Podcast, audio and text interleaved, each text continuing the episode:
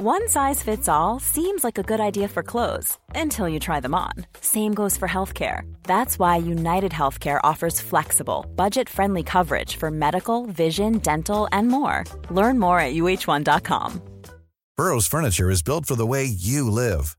From ensuring easy assembly and disassembly to honoring highly requested new colors for their award winning seating, they always have their customers in mind. Their modular seating is made out of durable materials to last and grow with you. And with Burrow, you always get fast, free shipping. Get up to 60% off during Burrow's Memorial Day sale at burrow.com slash ACAST. That's burrow.com slash ACAST. burrow.com slash ACAST.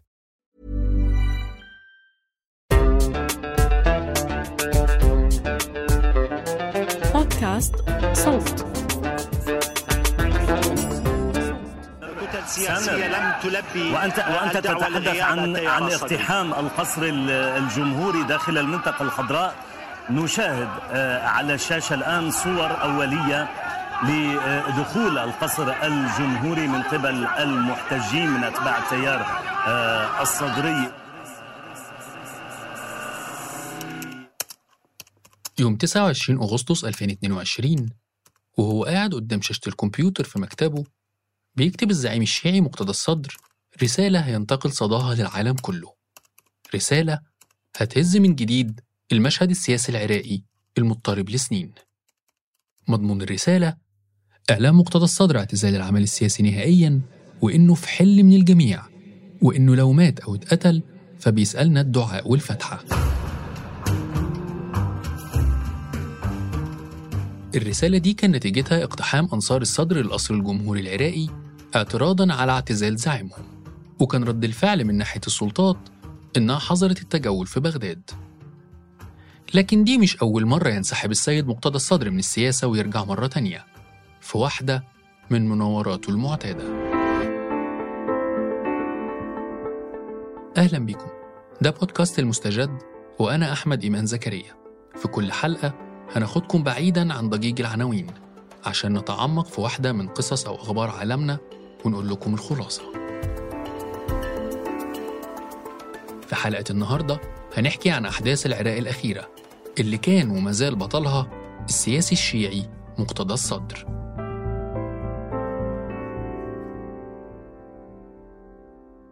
تاريخ مقتدى محمد صادق الصدر مع الاعتزال السياسي معتاد وبقى ممل و toxic أكتر من ال breakups العاطفية.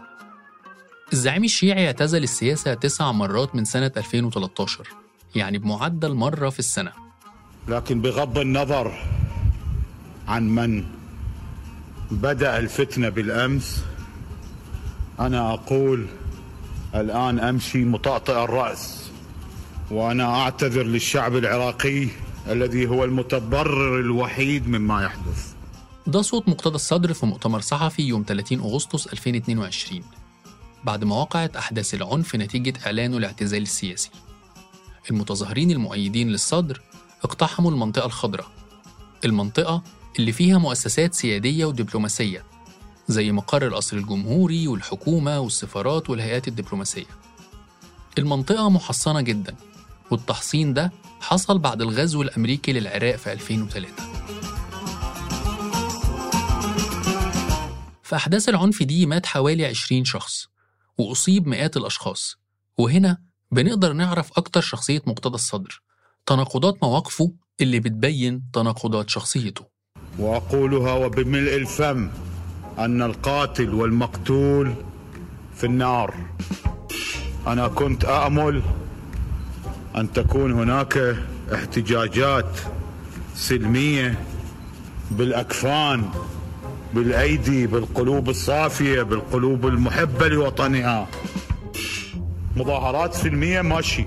لا مو ماشي حتى مظاهرات سلمية بعد ما الكلام وعكسه في نفس الخطاب. اللي مدته كانت حوالي ست دقايق تقريبا. لكن رغم تناقضاته دي قدر الصدر يسيطر على الأحداث اللي كانت بتزيد في بغداد ومحافظات عراقية تانية. كل التأثير ده على المشهد العراقي لراجل يقترب سنه من الخمسين بيخلينا نتساءل إيه اللي بيحصل في العراق؟ وإيه حكاية السيد مقتدى الصدر؟ ليه قرر يعتزل السياسة للمرة التاسعة؟ مين هو مقتدى الصدر؟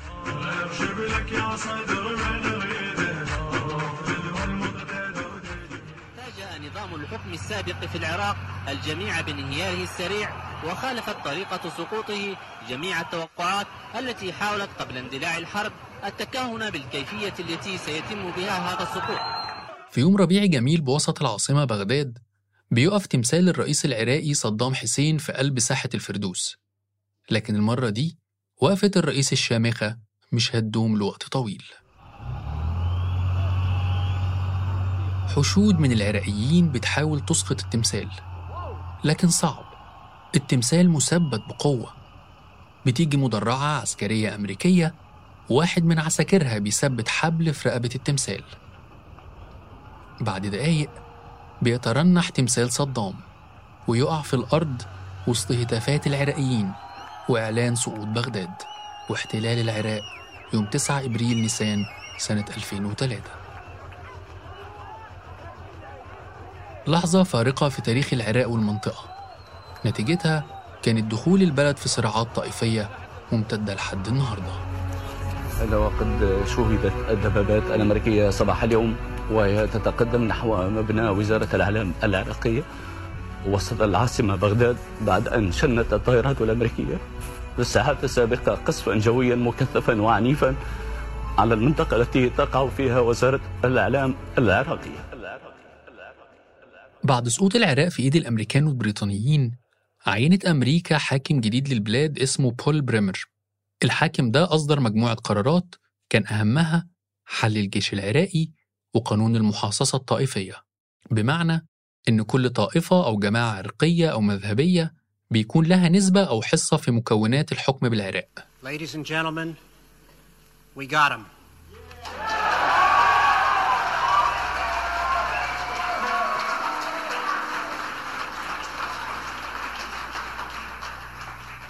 Saddam Hussein was captured Saturday, December 13th at about 8:30 p.m. local in a cellar in the town of Ad-Duar, which is about 15 kilometers south of Tikrit.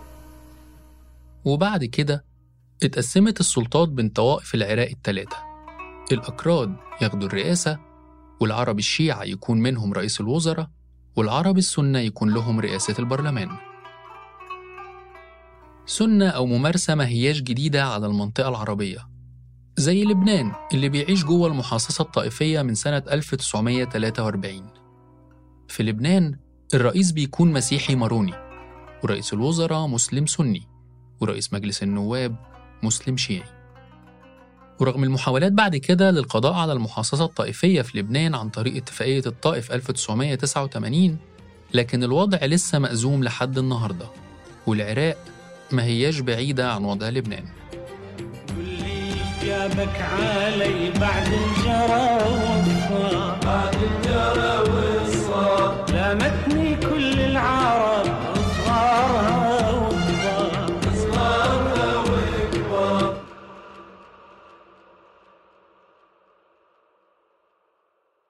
المشهد العراقي بقى مشتت بين الطوائف. وعززوا الدستور العراقي اللي صدر سنة 2005 وجات الانتخابات بعد كده وفاز نوري المالكي السياسي الشيعي اللي بقى رئيس الوزراء سنة 2006 في المرحلة دي كان الشاب التلاتيني مقتدى الصدر بيسطع نجمه في العراق ومقتدى هو ابن الزعيم الشيعي المؤثر محمد صادق الصدر اللي اغتيل سنة 1999 وبتوجه الاتهامات لنظام صدام حسين إنه قتله.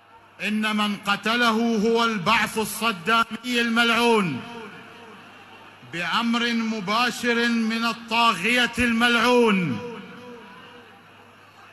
كلا كلا لحزب البعث.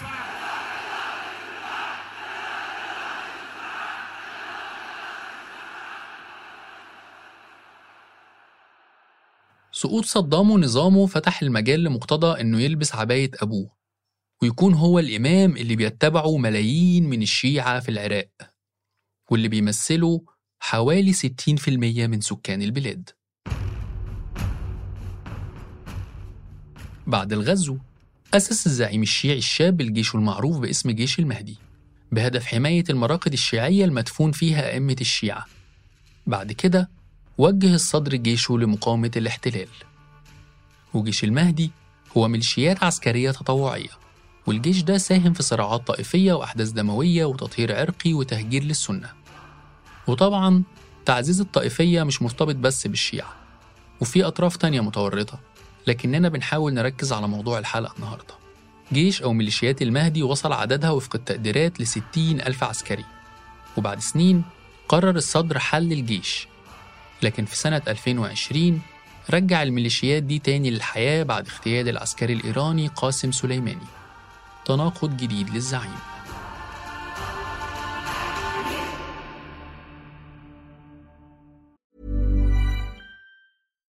One size fits all seems like a good idea for clothes until you try them on. Same goes for healthcare. That's why United Healthcare offers flexible, budget friendly coverage for medical, vision, dental, and more. Learn more at uh1.com.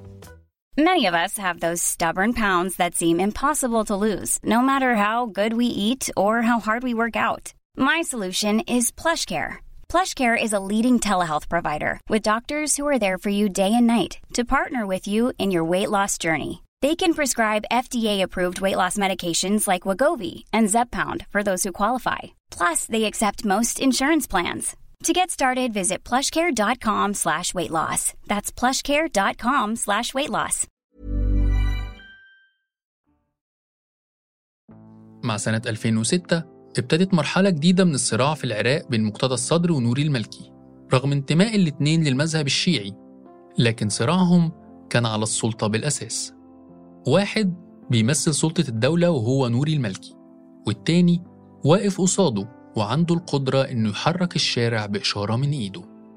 ونور الملكي شخصية مثيرة للجدل لأنه وصف نفسه قبل كده إنه صديق لأمريكا وفي نفس الوقت معروف عنه ولاء الإيران.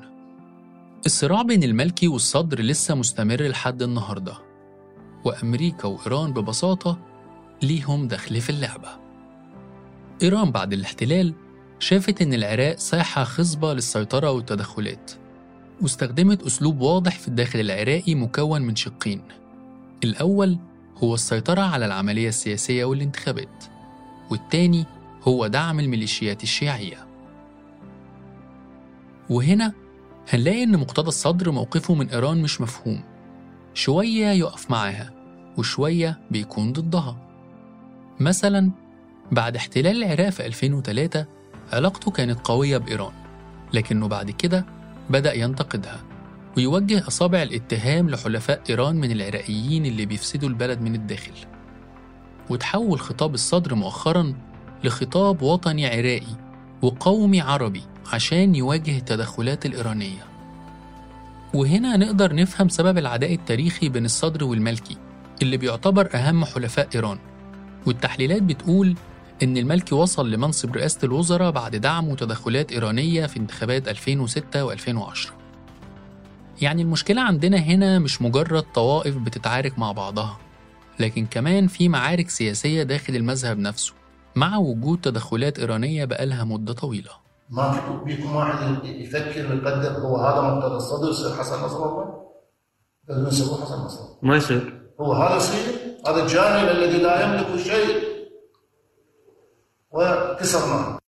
تواجد مقتدى الصدر في الساحة السياسية العراقية اتطور على مدار السنين ودخول تياره للبرلمان اتدرج لحد ما وصل إن التيار الصدري حصل على أغلبية مقاعد البرلمان العراقي سنة 2021 وفي الانتخابات دي اتراجعت التيارات السياسية الشيعية التانية زي الحشد الشعبي وهو تيار مسلح اتأسس سنة 2014 بعد فتوى من المرجع الشيعي علي السيستاني. وموافقة الدولة العراقية عشان يواجهوا تنظيم داعش. لكن الحشد اتهم بعد كده إنه عمل جرائم ترتقي لجرائم الحرب في حق مواطنين عراقيين من السنة. الحشد الشعبي دخل الانتخابات التشريعية في 2018 وفاز بعدد مقاعد كويس. لكن العدد ده اتراجع في انتخابات 2021 ورجع للمشهد مرة تانية نور الملكي من خلال ائتلاف اسمه ائتلاف دولة القانون. واللي حصد فيه المركز الثالث في نفس الانتخابات. لكن بعد إعلان نتائج انتخابات 2021 صرح سياسيين مناهضين للتيار الصدري بأن الانتخابات مزورة. طبعا تصريحات من سياسيين شيعة.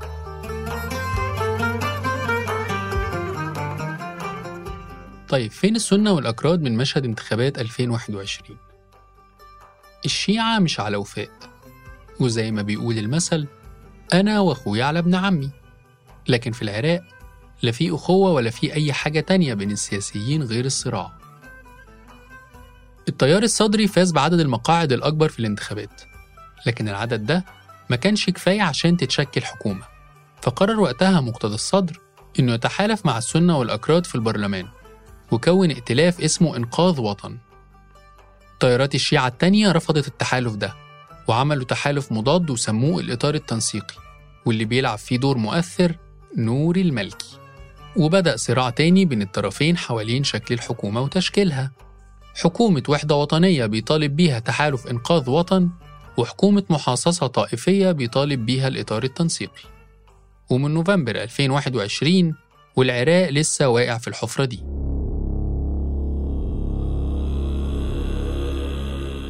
ممكن نفكر هنا إن الأحداث انتهت لكنها ما انتهتش. السياسة غدارة. ولعن الله ساس ويسوس وسائس ومسوس زي ما قال الإمام محمد عبده. مقتدى الصدر هدد باستقالة أعضائه من البرلمان وبعدها فعلا استقال أعضاء التيار الصدري اللي عددهم 73 في اللحظة دي انتهز الإطار التنسيقي الفرصة وقرر يتفاوض مع السنة والأكراد عشان يعملوا حكومة توافقية. من شوية كانوا عايزين يعملوا حكومة محاصصة طائفية. يا عيب الشوم. المهم وصلوا لتسمية رئيس الحكومة محمد شياع السوداني أحمدك يا رب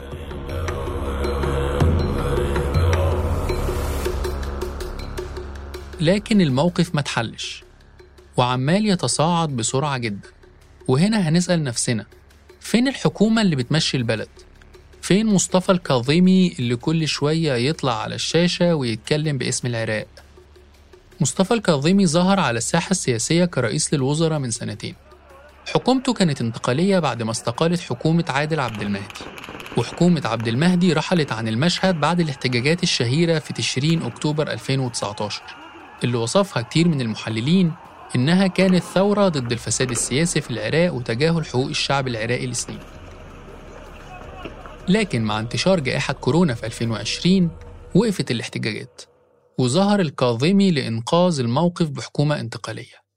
وبرغم انعقاد الانتخابات في أكتوبر 2021 إلا أن الحكومة الانتقالية لسه موجودة لأن مفيش أي تقدم حصل لتشكيل حكومة جديدة. أدعو الجميع إلى التحلي بالهدوء والصبر والعقلانية وعدم الانجرار إلى التصادم ودع المواطنين إلى عدم الاصطدام مع القوى الأمنية واحترام مؤسسات الدولة. نرجع لمحمد شياع السوداني مرشح الإطار التنسيقي اللي رفضه أتباع مقتدى الصدر واللي قرروا اقتحام البرلمان العراقي في يوليو 2022 احتجاجا على عرقلة تشكيل الحكومة. وهنا اتهم أنصار الإطار التنسيقي مؤيد الصدر بإثارة الفتن وضرب السلم الأهلي. أنصار مقتدى الصدر كانوا بيطالبوا بحل البرلمان وإجراء انتخابات تشريعية جديدة. لكن مؤيدي الإطار التنسيقي كانوا عايزين يشكلوا الحكومة الأول وبعدين الانتخابات المبكرة. ولا حد فاهم حاجة. ومن خلال تغريدة على تويتر طالب مقتدى الصدر أتباعه بالتراجع وقال لهم إن احتجاجهم سلمي وكان رسالة أرعبت الفاسدين. سلمي بعد اقتحام البرلمان؟ ماشي. بعدها بكام يوم رجع أنصار مقتدى الصدر للتظاهر مرة تانية وحصلت أحداث 29 أغسطس اللي بدأنا بيها حلقتنا. من كل صوب لزيارة المسلوب بالمدمع المسجوب احيوا الشعيرة يوم أربعين حسين من واجبات الدين واللي يشك ويدين أعمال بصيرة. ودربك لو أن شواك واجب على اليهواك يتعنى لو ينعاك ويشد مسيرة. ومن بداية سبتمبر أيلول الحالي والأجواء في العراق هادية هدوء حذر خاصة مع اقتراب موسم زيارة الأربعين اللي بيزور فيه ملايين الشيعة مدينة كربلاء لإحياء ذكرى مرور 40 يوم على مقتل الإمام الحسين بن علي. مقتدى الصدر طلب عدم مشاركة قوات الحشد الشعبي أو سرايا السلام التابعة للتيار الصدري في تأمين وتنظيم الذكرى وأن القوات الأمنية التابعة للدولة العراقية تكون المسؤولة عن الموضوع ده. وكتب مقتدى الصدر لمؤيديه على تويتر نصائح بالتزام السلمية وعدم رفع أي لافتات طائفية أو التعدي على الأجانب من الإيرانيين أو غيرهم. بغض النظر عن من هو البادئ فهذه الثورة ما دام شابه العنف وشابه القتل فهي ليست بثورة أصلا. ولن أقول بعد الآن إنها ثورة. كما خرجت عن سلميتها ثورة تشرين وانتقدتها أنا الآن أنتقد ثورة التيار الصدري الحلقة دي كتبناها وسجلناها قبل أيام قليلة من زيارة الأربعين اللي هتكون مختلفة عن السنين اللي فاتت ليه؟ لأن مقتدى الصدر وجه رسالة واضحة للإيرانيين اللي جايين الزيارة وطالبهم بالالتزام بقوانين الدولة المضيفة وإنه ما يتحولش الضيف لمضيف وإن المعاملة بالمثل تكون هي القاعدة الدبلوماسية الحاكمة للعلاقات. مش بس كده استشهد الصدر بتنظيم السعودية لشعائر الحج في المملكة وقوانينها الواضحة للحجاج وزوار البيت الحرام. وفي تحليلات بتقول إن حديث الصدر عن السعودية كان للتأكيد على الخط القومي العربي اللي بيتبعه حاليا عشان يواجه إيران.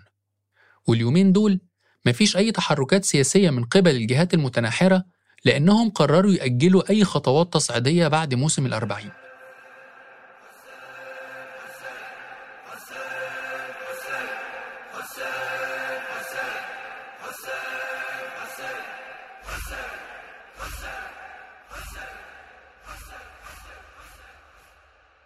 طيب إيه ممكن يحصل في الأيام الجاية؟ هل ممكن يتراجع مقتدى الصدر عن اعتزاله؟ هل الإطار التنسيقي ممكن يشكل الحكومة بدون التيار الصدري؟ وإيه هيكون شكل التدخلات الإيرانية في المرحلة دي؟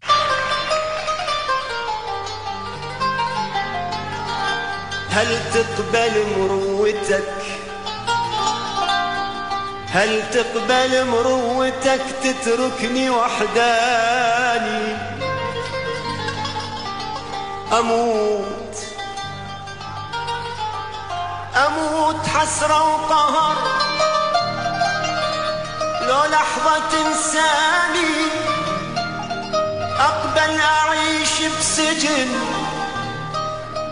لو أنت سجاني وصحيت بالنوم كنت معاكم من التقديم والكتابة أحمد إيمان زكريا من البحث بيان عروري من التحرير عمر فارس والهندسة الصوتية تيسير قباني اشتركوا بقناة المستجد على التطبيقات اللي تعجبكم عشان تسمعوا الحلقة دي وتوصلكم تنبيهات بالحلقات الجديدة بودكاست المستجد من إنتاج صوت Hey, it's Danny Pellegrino from Everything Iconic. Ready to upgrade your style game without blowing your budget? Check out Quince. They've got all the good stuff shirts and polos, activewear, and fine leather goods, all at 50 to 80% less than other high end brands. And the best part? They're all about safe, ethical, and responsible manufacturing. Get that luxury vibe without the luxury price tag. Hit up quince.com slash upgrade for free shipping and 365 day returns on your next order. That's quince.com slash upgrade.